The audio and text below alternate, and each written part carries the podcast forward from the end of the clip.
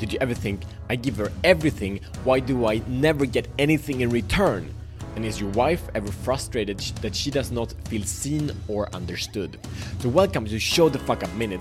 This is Matthias Fyron and this show is for men that are committed to stop playing small and unleash their personal greatness. With daily challenges, we grow together in the most important areas of life, mission, family, health and finance. The problem is this, we all have different languages and images of the world and different ways to communicate about this.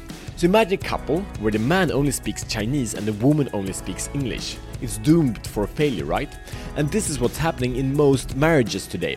So we have different ways to receive love and feel appreciated. So maybe your wife feels loved by spending quality time with you. And maybe you enjoy uh, maybe you don't enjoy quality time as much, but for you it's important to uh, you know with acts of service that she helps you out with stuff. So what ends up happening is that you give what you want and she gives what you want. So you help your wife out and she gives what she wants by inviting you for a cozy time over a cup of tea, right?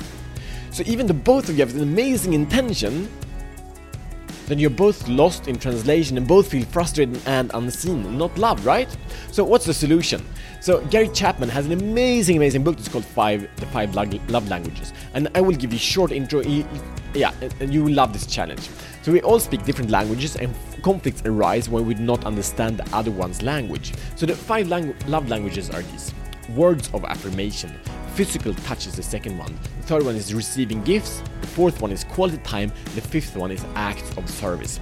So to bring in this to example is, is with example of tacos. So words of affirmation would sound, your tacos are delicious.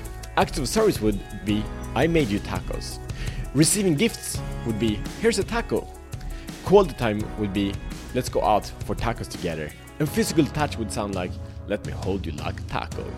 So as soon as we understand the primary ways our partner receives and feels love, then we can start serving her and each other on a much higher level.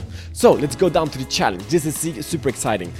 Your challenge is to learn the primary love language and of yourself and then share it with your partner. So here's how to do it. It's very simple. Number one, uh, go to fivelovelanguages.com. It's five with with the number five, uh, the digit five 5lovelanguages.com. Go there and do the test. There's a test there, you answer a couple of questions. So you do it and have your wife do it as well. And then you read your results and you read her results. And uh, that's it. That's it. That's the whole challenge. So now commit to do this within 24 hours and now take action. So and I invite you to join our community of like-minded extraordinary men that are ready to unleash their inner greatness and we give each other support and hold each other accountable. And please subscribe, review and share this podcast with the man that's ready to, to stop playing small. And then see you tomorrow as better men.